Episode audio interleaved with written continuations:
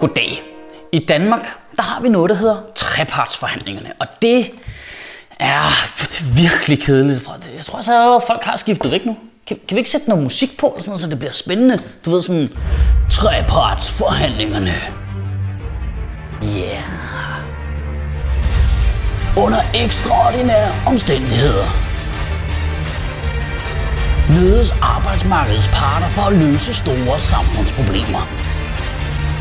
Arbejdsmodtagerne repræsenteret ved LO og Dansk Arbejdsgiverforening. Og Claus Hjort Frederiksen. Ja, okay, det er ikke så sejt. Under normale omstændigheder, så fungerer det sådan i Danmark, at lønmodtagerne og arbejdsgiverne de selv forhandler pension, løn, alt det der. Men når der så er nogle særlige omstændigheder, som nu, hvor man har en masse flygtninge, man rigtig gerne vil have hurtigt arbejde, så møver regeringen sig lige ind i det her tilfælde, Claus Hjort Frederiksen og Lars Løkke, så møver de sig ind i, hvad der så bliver til den mest sløje, men altså tror nogensinde. Og så oven i det, så er der faktisk også noget, der hedder topartsforhandlinger, hvor regeringen forhandler med kommunernes landsforening om kommunernes budgetter til at løse de her opgaver. Og jeg ved ikke, hvorfor det hedder en topartsforhandling, for det er ufattelig sjældent, at der er forhandlinger med færre parter end to. De her sideløbende forhandlinger, altså trepartsforhandlingerne og topartsforhandlingerne, de er foregået siden starten af februar, fordi man jo rigtig gerne vil have de her flygtninge asylansøgere ud på arbejdsmarkedet, så de ikke belaster kommunens økonomi mere end højst nødvendigt alt i alt et super sympatisk projekt. Og Dansk Arbejdsgiverforening og LO er blevet enige med regeringen om en løsning, hvor man ligesom tager øh, noget af den ungdomsuddannelse, der hedder EGU. Øh, det vil sige, at man kan sende folk i erhvervspraktik med det samme, og så kan man bygge uddannelse på bagefter, øh, og på den måde få folk i gang med det samme, og øh, få ud og blive en del af det danske samfund og vende sig til, hvordan der er her. Det, det, det er simpelthen en fremragende løsning. Øhm, så på den måde, så er alt jo godt. Dejligt. Det blev en kort tale den her gang. Alt er perfekt. Der er slet ikke nogen problemer. Selvfølgelig er alt ikke godt. Vi har en lille svindler som statsminister, og en stor svindler som finansminister. Og det sjove er faktisk, i alle andre tilfælde ville det være groft injurerende at sige sådan noget, men lige i det tilfælde med de to her, er det faktuelt korrekt. Basically er deres eneste eksistensberettigelse jo, at vælgerkorpset har en dårligere hukommelse end et plejehjem for demente. Et plejehjem, der nu nok skal spare. Fordi det kan godt være, at det er gået godt i trepartsforhandlingerne. Det går ikke så godt øh, i topartsforhandlingerne mellem regeringen og kommunerne. Fordi kommunerne kunne rigtig godt tænke sig nogle flere penge til at håndtere alle de her flygtninge og asylansøgere. Men det vil Jorden kraftedeme mig ikke give til dem, du. Han vil ovenikøbet have, at de skal spare. Han har planlagt, at kommunerne skal spare 1% hvert år over de næste fire år. Det er altså i alt over 7 milliarder kroner, eller med andre ord det, man kalder Anders Foghs våde minimalstatsdrøm. Man kan næsten høre om under over hjørnet bare.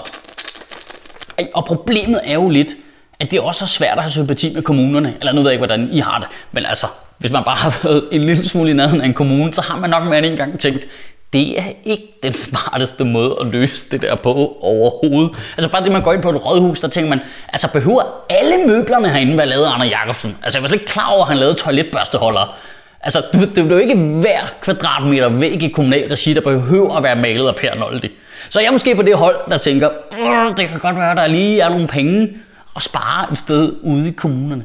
Men prøv at nogle af de der politikere, så længe selv råbt op om, hvor frygteligt det er med de flygtninge. Hold kæft, det er en skandale. Det hele brænder sammen. Det belaster vores økonomi. Velfærden forsvinder. Vi skal kræfte mig lukke grænserne. Vi skal ikke have nogen flygtninge ind. Og så kommer kommunen og siger, kan, kan vi så få lidt hjælp? Så de bare, øh, nej, det kan I ikke. Hvad? Jeg har lige sagt, det var mega vigtigt, og det var mega dyrt, og det var et kæmpe stort problem, og du gider ikke hjælp.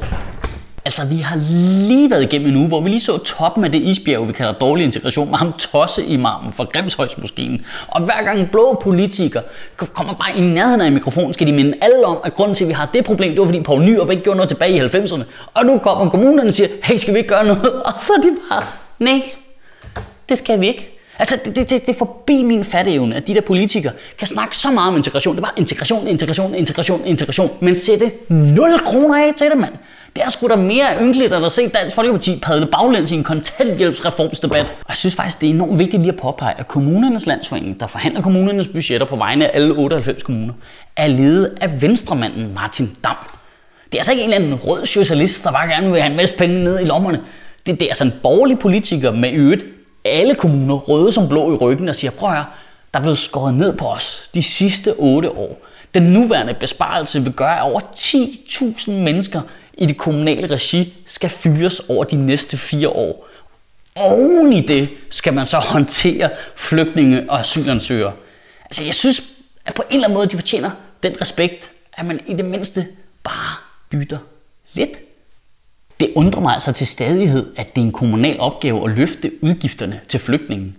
Altså, flygtningestrøm, det er et gigantisk øh, globalt problem. Det er det, det verdensomspændende force majeure. Ingen kan overskue konsekvenserne af det kæmpe store problemstilling. Og så er det vores sådan, mindste enhed, der skal tage sig af det. Også fordi det er så uretfærdigt. Der lander masser af flygtninge ned i Sønderjylland, men ingen op i Gentofte. Og så er vi bare sådan, nej, surt at bo i Sønderjylland. Yeah, you deal with it. Hvad? what. Det er som om politikerne de decideret gerne vil have, at man skal tage penge direkte fra gamle mennesker og give dem direkte til flygtninge, så de kan stå inde i fjernsynet og sige, det er for dårligt. Ja, men det er jo dig, der har gjort det dårligt for helvede. Altså, hvis, hvis der er naturkatastrofer og oversvømmelser og stormvejr og sådan noget, så er der katastrofehjælp for staten. Lige med det samme. Flygtning. Mm. Mm. Og den tankegang går så bare igen i regeringens politik over for EU.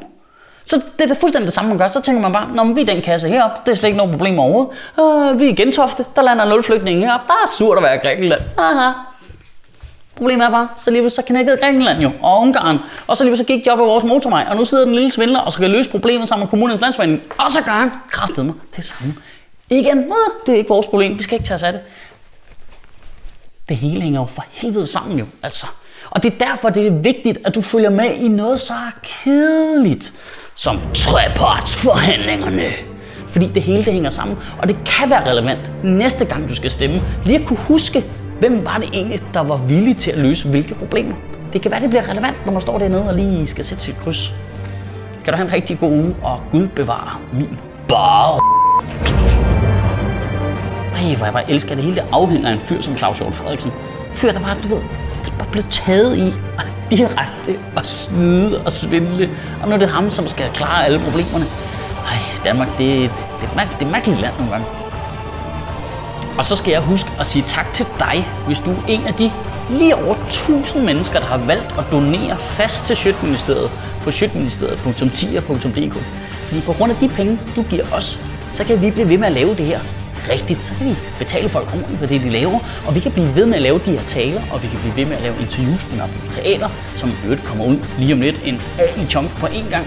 Og det kan vi blive ved med kun fordi du er så fucking sej og giver os et par kroner, hver gang vi udgiver med de her taler. Så hvis du vil være en af de seje, så... Jeg skal lære pifte.